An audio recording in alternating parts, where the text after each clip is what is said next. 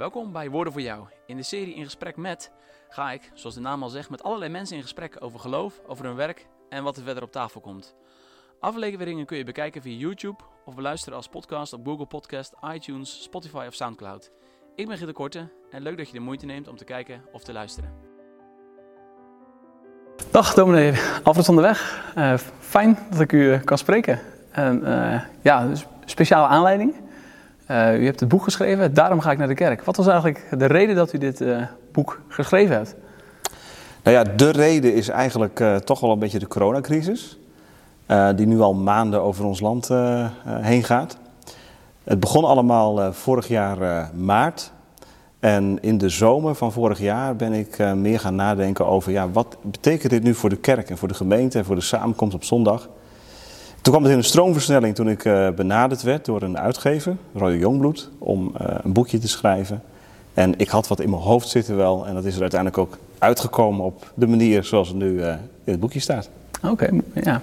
Wat ik mezelf heel erg afvraag is, als dominee lijkt het me heel apart normaal ben je eigenlijk gewend om, om, voor een volle kerk te staan. En nu in één keer is er eigenlijk, ja, zitten nog een paar mensen in de kerk. En voor mij geeft het een hele andere dynamiek. Hoe heeft u zelf die, die tijd ervaren? Ja, ik vond het een hele lastige tijd. Met name in de begintijd, toen we uh, direct afschaalden naar uh, nou ja, bijna nul eigenlijk. Er was alleen nog personeel in de kerk.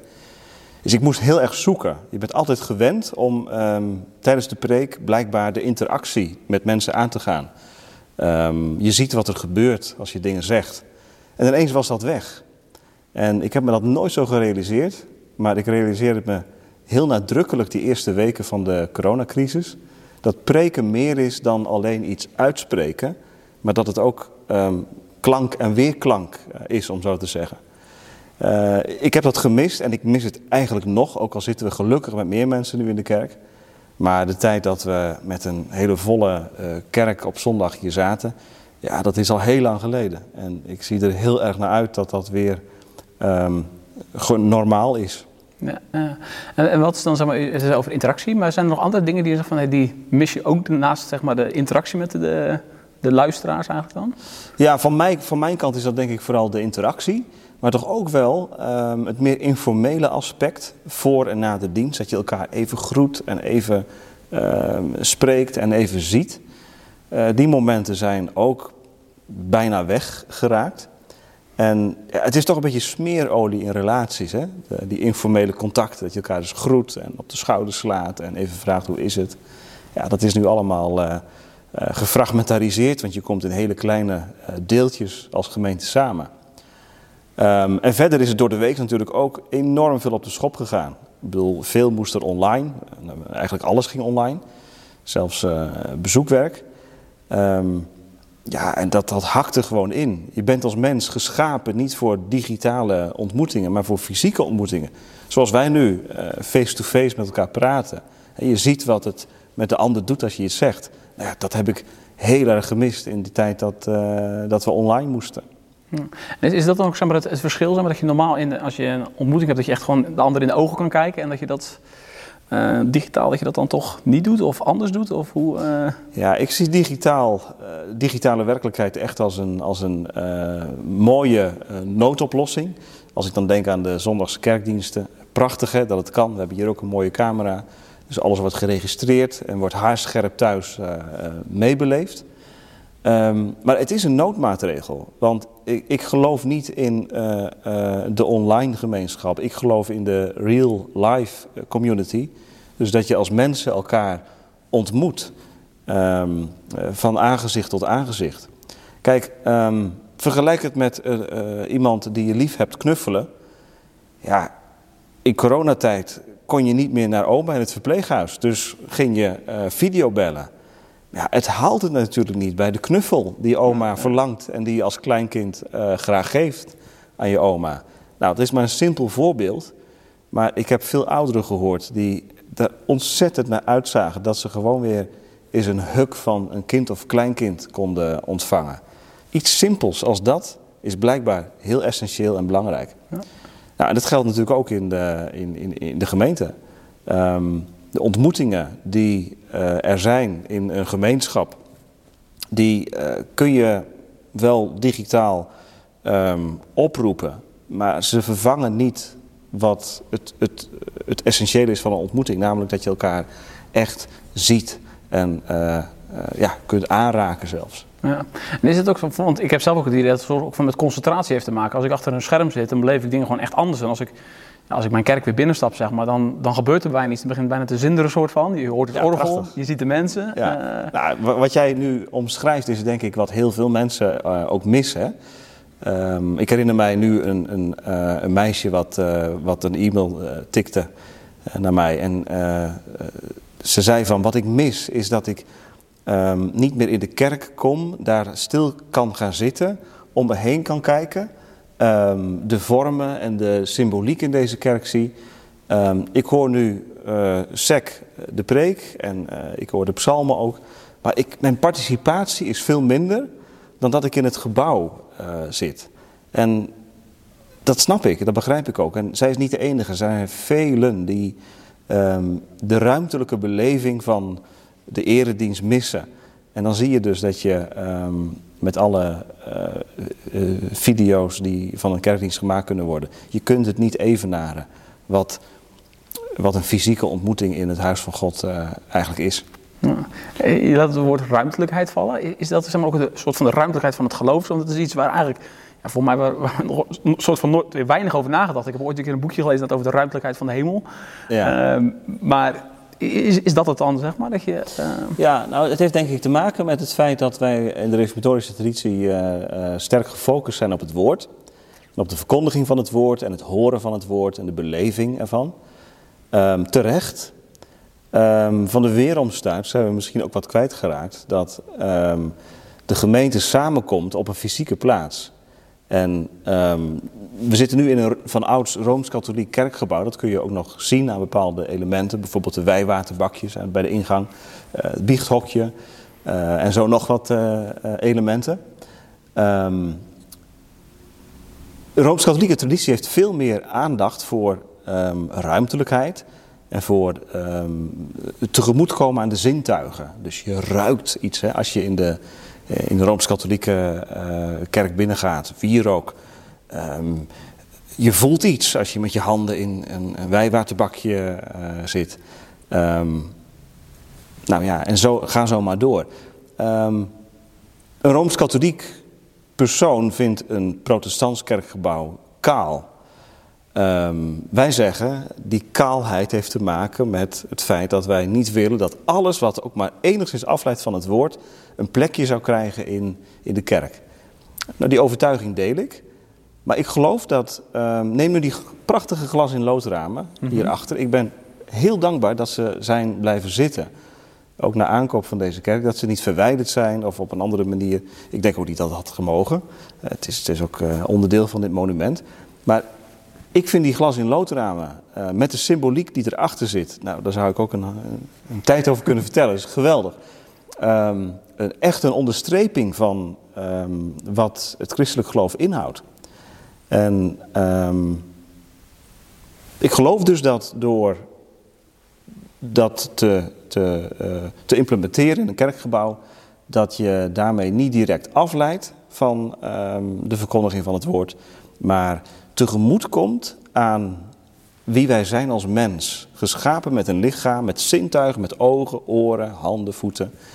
Um, nou ja, dat is die coronacrisis heeft wel laten zien dat wij uh, dat heel erg missen.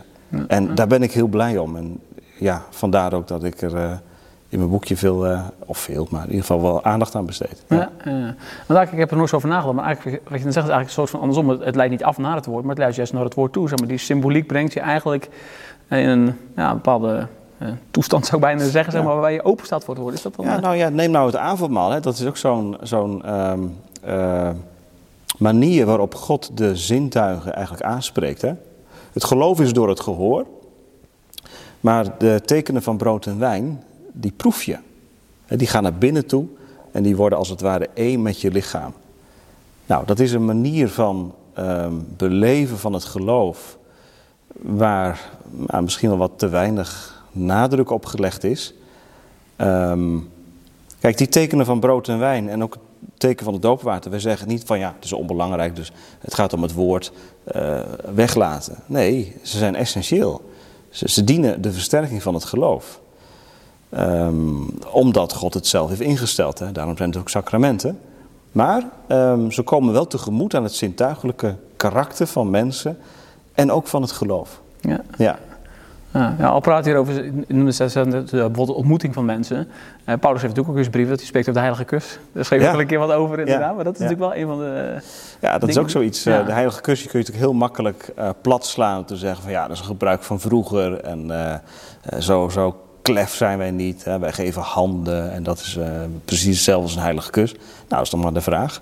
Natuurlijk, wij zijn westers georiënteerd. Eh, we zijn grootgebracht in een klimaat waarin de huk niet direct um, de manier is om iemand te, te ontmoeten, te begroeten. Hoewel in evangelische kring dat veel gebruikelijker is. Um, maar wat mij opvalt, om nog even door te gaan op die heilige kus, is dat het fysieke daar een plek krijgt. Hè? Ja. Groet elkaar met de heilige kus, ja, daar, dan is iedere afstand gewoon weg. Ja. Uh, dus je ontmoet elkaar. Je kijkt elkaar in de ogen, dat is denk ik het allerbelangrijkste bij die heilige kus. Je ziet elkaar staan en je geeft uh, als onderstreping van dat zien van elkaar ook een teken van vriendschap. En ja, Paulus zegt niet, um, nou geef deze en gene, maar groet elkaar. Ja, dat vind ik een hele belangrijke um, uh, grondgedachte, dat je in de gemeente elkaar moet zien staan. Ja, dat is het meest basale, denk ik. Ja, ja moet ik nog wel een beetje, als je dan met een gemeente van duizend man zit, dan ben je wel even bezig, zeg maar. Dat, uh, dat is ook zo. Dus als je een grote gemeente hebt, is dat veel lastiger dan een, uh, dan een kleine gemeente. Um, idealiter zou een gemeente, wat mij betreft, ook niet, niet veel meer dan 400, 500 leden moeten tellen. Um, of je moet overgaan op een model dat je um, een grote gemeente van duizend of nog meer leden ook onderverdeeld in wijken. En dat je meer wijkgericht, wijkgeoriënteerd werkt. Um, dat, is nog heel, dat is nog reformatorisch ook, hè? want iemand als Martin Boetsen bijvoorbeeld, mm -hmm. en ook Maarten Luther, en ook later in de geschiedenis zijn er mannen geweest die gezegd hebben van de, de christelijke gemeente moet eigenlijk in cellen gedeeld worden. Hè, om um, tegemoet te komen aan de behoefte om elkaar te ontmoeten. En uh, het is niet goed dat je elkaar met duizend man alleen maar op zondag ontmoet. Eh, laat ook door de week dat gemeenten zijn gestalte krijgen. Ja, ik heb zelf inderdaad, je ziet een soort van twee kanten. Ik zie aan hoor ik inderdaad mensen die zelf ook inderdaad in zulke groepen. Ik zit zelf ook inderdaad in een bijbelstudiegroep inderdaad. Uh, ik vind het echt heel erg mooi. Um, wij hebben op een gegeven moment zelfs besloten om op woensdagochtend als mannen bij elkaar te komen met een mannenontbijt. Uh, nou, dan heb je echt wel inderdaad dat gevoel van, hé, hey, wij vormen samen een gemeente inderdaad. Uh, maar tegelijk is het ook wel, ik heb soms soort, bijna van hobby van mensen, is dat er eigenlijk weinig ja, over nagedacht wordt of gestimuleerd wordt, dit soort, uh, dit soort dingen. Ja, dat is, dat is denk ik ook zo. En ik hoop dat de coronacrisis in die zin ook als een soort katalysator dient om na te denken over um, hoe gemeenten zijn als het gezamenlijk samenkomen op zondag echt onder druk staat. Want hoe lang gaat dit nog duren? Niemand die het mhm. weet. Komen we ooit weer massaal bijeen? Het, het is maar zeer de vraag. En als dat nou niet zo is, is dat dan um, um, ja, het einde van de christelijke gemeente? Uh, ik denk het niet. Ik zou het heel verdrietig vinden en uh, ook, ook heel moeilijk vinden als dat zo zou zijn. Als we niet meer met elkaar uh, onder één dak kunnen komen. Tegelijk denk ik, ja, dan denk ik ook aan de, aan de vervolgde kerk bijvoorbeeld. Hè? Um, het geloof is ook creatief. Dus dan zoekt het naar mogelijkheden om toch eh, op zondag en of door de week uh, groepsgewijs bij elkaar te komen. En daar elkaar te bemoedigen, het woord te openen, te bidden enzovoort. Ja, want eh, is dat ook niet een van de dingen? Want ik, heb soms vaak het Tenminste, zal ik even over mezelf spreken. Ik heb eigenlijk nooit nagedacht over naar de kerk gaan.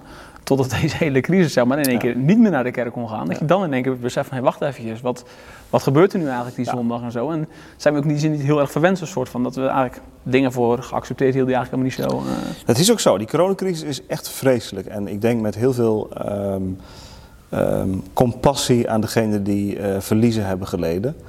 Uh, tegelijk is die crisis ook zuiverend van aard als het gaat om het opnieuw um, doen waarderen van wat je nu ontbeert. Hè? Dus het gezamenlijk naar de kerk gaan bijvoorbeeld. En zoiets kun je beter vanaf de zijlijn um, analyseren dan dat je er middenin zit. Um, het boekje wat ik schreef eh, is ook een klein beetje eh, eerbetoon aan Van Ruler. Een knipoog naar het boekje wat hij schreef. Waarom zou ik naar de kerk gaan? Nou, hij schreef dat boekje. Met een vraagteken. Met een vraagteken. Ehm, hij gaf 21 antwoorden. Prachtig boekje. Ehm, hij schreef het boekje als toeschouwer. Hè. Hij stond langs de zijlijn, want hij kon niet meer preken vanwege gezondheidsproblemen. En toen werd hij pas echt doordrongen van de waarde van het naar de kerk gaan, van de liturgie. Ehm, en hij heeft daar uh, nogmaals een, een, heel mooi boekje over geschreven met verrassende doorkijkjes. Uh, die mij ook aan, het, aan het denken hebben gezet. En om één ding te noemen. Um, ja, als kind dacht ik dat je naar de kerk ging voor de preek. De rest, ja goed, dat is franje. Omlijsting. Dat is omlijsting. dat is de lijst. Het gaat om het schilderij. nee, die hele kerkdienst is een schilderij. Um, maar dat betekent wel een, een, een, een, heroriëntatie van wat betekent het dan? Foto en groet, het zingen. We mogen niet meer zingen.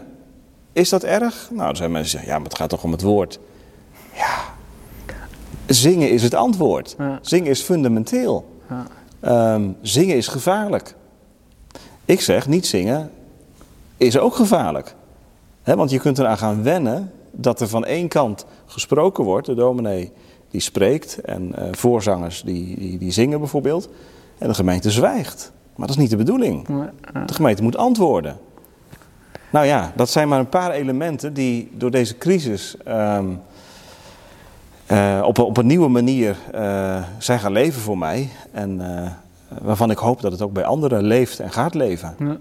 Ja, ik heb het idee dat, dat zingen, tenminste ik vind zingen wel echt een van de dingen die ik het meest pijnlijk mis zijn. Want inderdaad, ja. een preek, ja, die kun je nog soort van digitaal overbrengen. Ook al is nou, ja. je concentratie anders en dat soort dingen. Maar het, het zingen met elkaar inderdaad de lofzangen aanheffen, dat is... Ja, uh, ja, dat, dat, is, dat is ook heel essentieel natuurlijk. Want um, als er ergens um, gezamenlijkheid is, is het wel in het zingen natuurlijk. He, je zingt samen.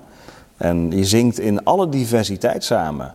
En je zingt ook nog eens een keer psalmen die al uh, eeuwenlang gezongen zijn door gelovigen voor ons. En nu ook wereldwijd. Dus ja, er zitten zoveel dimensies aan het zingen. Ja, ja. En, maar dat zijn wel um, uh, dimensies die, uh, ja, die je moet, moet gaan zien en moet gaan waarderen ook. En nou ja, dat is misschien het uh, positieve aan deze crisis, hoop ik. Um, dat we gemeentebreed, kerkbreed um, ons herbezinnen op waarom we nu eigenlijk doen wat we doen. En niet zeggen van, nou, we hopen dat het zo snel mogelijk weer uh, naar het oude normaal oude. komt en dan gaan we gewoon ja. weer door. Ja. Nee, we gaan niet gewoon door.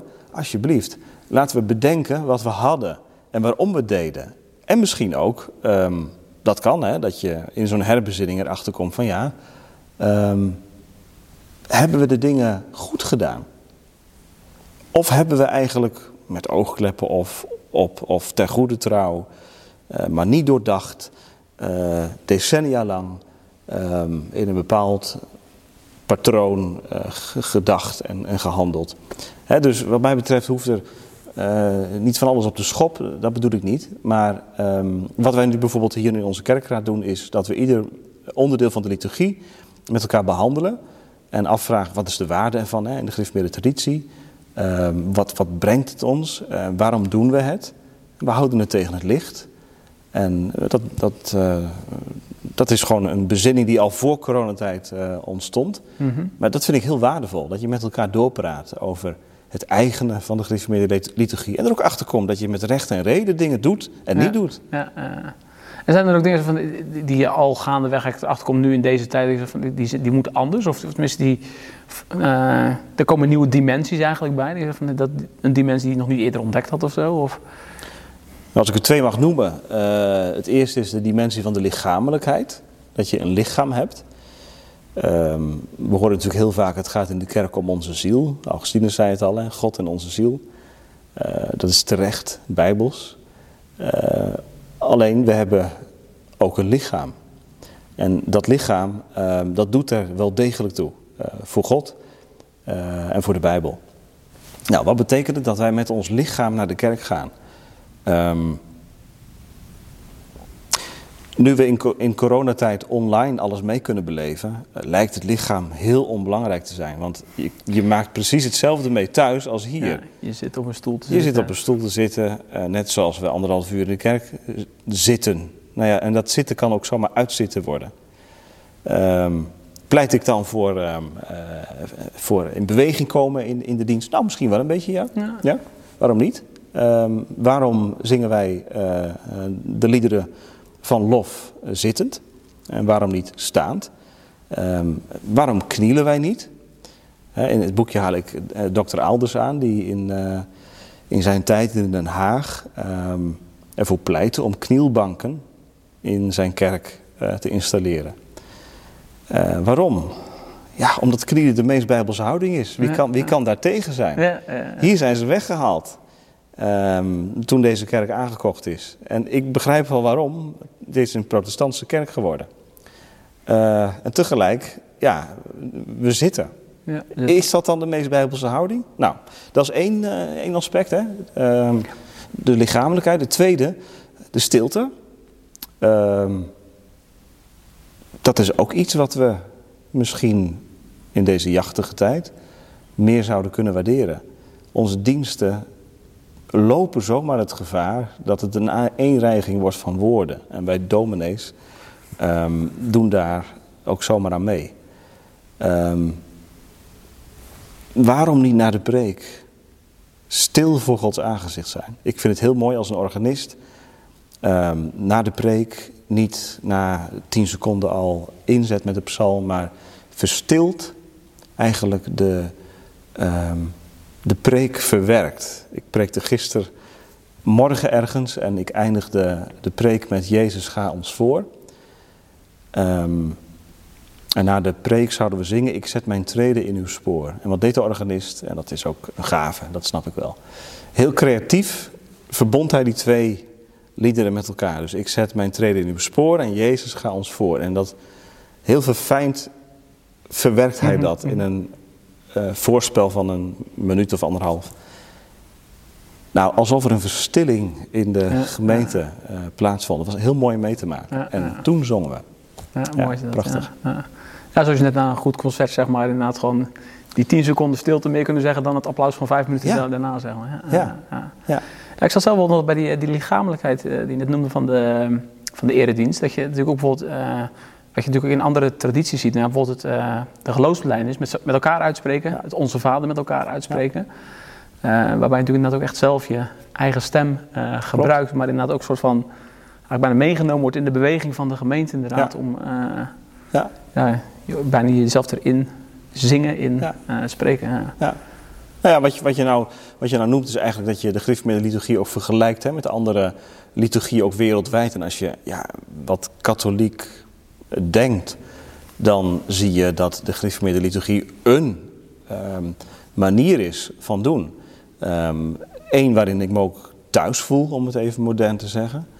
Um, maar ik kan op mijn beurs ook wel genieten van uh, een, een, andere liturgie, uh, een Anglikaanse liturgie. Natuurlijk zit een theologie achter, dat snap ik. maar de rijkdom van uh, de beleving van het geloof en het beleiden van het geloof um, is veel te groot dan dat het in een uh, traditie zou passen. Ik geloof dat die veelkleurigheid van Gods genade uh, ja, groter is en, en, meer overstijgt dan wij voor waar willen houden. Ja, ja. ja. en dat zie je natuurlijk ook, zeg maar, ook als je ja, kijkt naar inderdaad hoe de ook verzending vanuit gereformeerde hoek zeg maar, vormgegeven wordt, dan zie je ook inderdaad die veelkleurigheid ook vanzelf ontstaan. Want ja, in een oerwoud dan heb je geen elektrisch orgel tot je beschikking. Precies. Uh, Precies. Dus dan wordt het eigenlijk automatisch al, al anders inderdaad. Terwijl wel bepaalde, ja, je zou kunnen zeggen ankerpunten volgens mij van die liturgie wel Absoluut. Ja. Absoluut. Er zijn ankerpunten en die zijn ook onopgeefbaar wat mij betreft. Maar de inkleuring ervan, die is ook contextueel bepaald en uh, tijd bepaald. Um, en, en daar kun je wat soepel mee omgaan. Um, ik refereer in mijn boekje ook aan uh, de reis naar India die ik twee jaar geleden maakte. Ik moet ook eerlijk zeggen dat die reis naar India ook wel zoveel indruk heeft gemaakt dat mede daardoor ook wel een deel van dit boekje uh, geschreven is zoals het geschreven is. Uh, ik herinner me nog dat we op zondag een dienst meemaakten. En dat we allemaal onze schoenen uit moesten doen voordat we in de kerk gingen. Want de plaats waarop gij staat is heilige grond. Ah, ja. Ja, dan kom je dus een heel eenvoudig eh, gebouwtje binnen, zonder eh, pracht en praal.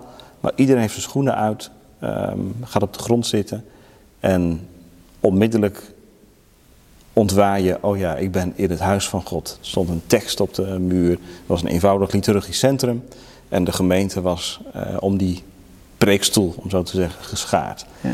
Dus ja, dat zijn allemaal ehm, ontdekkingen, mooie ervaringen die, eh, die je meeneemt. En ik, ik, ja, ik gun ieder eh, christen eh, een, een- brede kijk op de wereldkerk. Ja, ja. Om enerzijds te relativeren eh, en niet te verabsoluteren. En anderzijds ook te waarderen wat, wat er in anderen, andere tradities te zien en te vinden is. In andere landen. Je schreef voor, voor kerkmensen, denk ik, het boekje. Maar is, hebben mensen zeg maar, van buiten de kerk hier ook eh, wat aan? Want daar ben ik wel heel benieuwd naar. Want je ziet in de, in de media eigenlijk dat mensen eigenlijk ja, nauwelijks begrip hebben überhaupt dat kerken nog open zijn. Eh, het voetbalstadion is dicht. En eh, ja, waarom zouden mensen wel naar de kerk mogen? Waarom zouden ja, mensen van buiten de kerk eigenlijk überhaupt naar de kerk gaan? Wat, Ja. ja, het boekje is wel heel nadrukkelijk geschreven voor ehm, ehm, mensen die trouw ehm, meeleven met de gemeente. Ook wel geschreven voor potentiële afhakers. En ook wel voor mensen die afgehaakt zijn. Maar dan heb je toch altijd over mensen die een bepaalde eh, band hadden of hebben met de gemeente. Als je het hebt over mensen van buiten de kerk, dus echt eh, de seculiere eh, medemens. ehm, ik denk dat het boekje daarvoor te ingewikkeld is, omdat ik te veel veronderstel aan, aan kennis. Maar waarom zij toch naar de kerk zouden eh, moeten, ja, ik zal dat nooit zo rechtstreeks zeggen, denk ik. Wat ik wel zou willen laten zien als iemand mij vraagt hè, van, nou ja, waarom ga je naar de kerk? Dan zou ik wel willen uitleggen ehm, dat ik eh, naar de kerk ga niet alleen omdat het een behoefte is van mij, maar ook omdat ik geloof dat er iemand is die op mij wacht. Ehm, dat God het is die mij uitnodigt. Eh, Dat Hij mij graag ziet. Dat ik Hem onder ogen mag komen. En dat dat een heel gebeuren is. Dat dat ook heel indrukwekkend is. Dat het mij vormt, dat het mij stempelt. Dat het mij verootmoedigt, klein maakt. Eh, dat het mij eh, richting geeft ook in het leven en zelfs eh, een venster op de toekomst. Dus waarom zou iemand naar de kerk moeten gaan? Nou ja, niet omdat het zo heurt, maar omdat ehm, het, het, het beleven en het beleiden van het geloof niet kan zonder dat, dat er ook een gang is naar een fysieke plaats. Dat, dat kun je vanuit het Oude Testament al heel mooi laten zien, hè? dat God zijn volk eh, samenroept op één plaats en niet zegt van nou blijf allemaal maar in die tentjes zitten, ik zorg wel voor geestelijk voedsel, er komt wel iemand bij je langs. Nee, kom. Kom en nader voor mijn aangezicht. En dat is de lijn die voortdurend in het Oude Testament eh, waar te nemen is. In het Nieuwe Testament wordt die ook doorgetrokken. Ehm, zodat eh, ja, de beweging van, van een churchless Christian, dat best wel hot is hè, tegenwoordig, ehm, ja, dat vind ik toch niet te verenigen met, eh, eh, met, met het spoor wat, wat, wat de schrift daarin wijst. ja, dus eigenlijk het samenkomen, hè, dat, dat is essentieel eigenlijk ook voor de christenen zijn. Ja, dat is essentieel. Juist ook omdat in het samenkomen ehm, je elkaar ontmoet. Je ontmoet God. Je ontmoet elkaar, je ontmoet jezelf, je komt jezelf ook tegen. Maar de ontmoeting met elkaar is ook essentieel. Want genade ehm, oefen je ook in relaties met lastige mensen, met mensen die je helemaal niet hebt uitgekozen. Maar die ja, nu ook eenmaal lid zijn van die gemeente. eh, met karaktereigenschappen waarvan je zegt, nou, dus in die schurende werkelijkheid eh, ontmoet je elkaar. En dat is ook een van de redenen waarom je naar de kerk gaat. Je komt daar niet samen als mensen die ehm, eh, allemaal hetzelfde denken en precies hetzelfde doen. Ja, dat zou wel makkelijk zijn. Maar ja, zo is het nu eenmaal niet. En dat Ja, was ja. 2000 jaar geleden ook niet zo. Maar nu ook niet. Ja. Dus in die ongemakkelijke werkelijkheid wil God ehm, mij hebben en mij vormen naar zijn beeld. Ja, ja een mooie gedachte eigenlijk. Want eigenlijk gaat het dan vooral om de gastheer. En niet alleen maar om de plek, de fysieke plek waar je, maar eh, ja, degene die uitnodigt en die jou... eh, ja, exact. Ja, hij heeft wat te bieden. En ja, als je die uitnodiging afslaat, dan moet je wel weten wat je doet. Ja, ja. Ja. die, die beweging zie je natuurlijk wel dat mensen zeggen van ja, ik, digitaal, ik, ik ga volg gewoon digitale diensten. En, uh... Ja, ik, ik, snap het ook wel. En um, nogmaals, als noodmaatregel vind ik het ook prima. Um, maar als um, middel om lekker makkelijk en comfortabel uh, op zondag de dienst van een afstandje mee te beleven op jouw tijdstip met een bak koffie op de bank. Ja, dat kan niet de bedoeling zijn, omdat ik uit mijn stoel gehaald moet worden. Ik moet uit mijn huis gehaald worden, uit mijn natuurlijke habitat. Ik moet komen daar op de plaats waar God zijn heilige naam uh, bekend maakt. Uh, en waar hij woont en waar zijn heil verkregen wordt. En dat is niet um, waar ook maar. Dat is juist daar waar de gemeente uh, samenkomt. En of dat nou is in een prachtige kathedraal of in een houten schuur, dat maakt op zich niet uit. Nee. Overal waar zijn gemeente samenkomt, daar is hij. Ja, ja mooi. Ja. ik las ook, hoorde dat je dit verhaal van Open Doors, inderdaad, van een christen in Noord-Korea, inderdaad, die samenkwamen inderdaad in een toilet ergens, uh, omdat ze niet ontdekt mochten worden. Ze waren met z'n twee of met z'n drie inderdaad.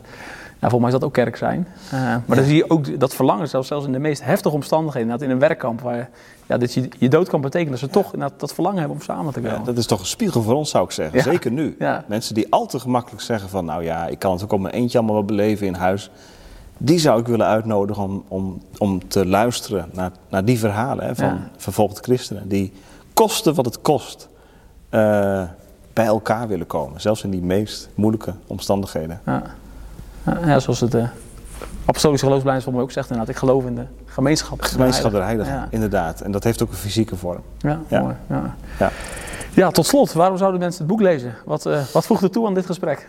ten opzichte van dit gesprek? Um, nou ja, dit gesprek is eigenlijk een, uh, een, een, een, samenvatting van een paar onderdelen van, uh, van dit boekje. Um, ik heb het geschreven voor mensen die um, behoren tot mijn leeftijdscategorie, tot onze leeftijdscategorie, de millennials. ik heb het bewust gedaan ook, om ook een beetje kritisch naar mezelf te blijven. en omdat ik weet dat die leeftijdsfase ook, ook een, uh, best een, een, kritische fase is. Hè? Van uh, ja, moet ik wel bij de kerk blijven of moet ik wel bij deze kerk blijven? Nou, ik hoop dat ze dit boekje e-, echt gaan lezen en um, ook ontdekken dat ik geen idealistisch boekje schrijf. Uh, geen, geen paradijselijke toestanden schets. Integendeel, ik weet zelf ook heel goed wat, ehm, wat de gebrokenheid is in het kerkelijke mm -hmm. leven. En dat heeft ook een plek in, in dit boekje. Dus ik hoop dat ik een realistisch, bijbels realistisch boek geschreven heb. Um, uh, en ik hoop dat het zijn weg vindt, de inhoud. Ja, uh, ja. In gemeentes, uh, kerkraden. En een stuk bezinning op gang brengt. Mooi. Ja. Nou, ik ben heel benieuwd. En hartelijk bedankt in ieder geval voor, voor dit gesprek. En, en deze is voor jou. Ja, nou, hartelijk bedankt. Graag gedaan.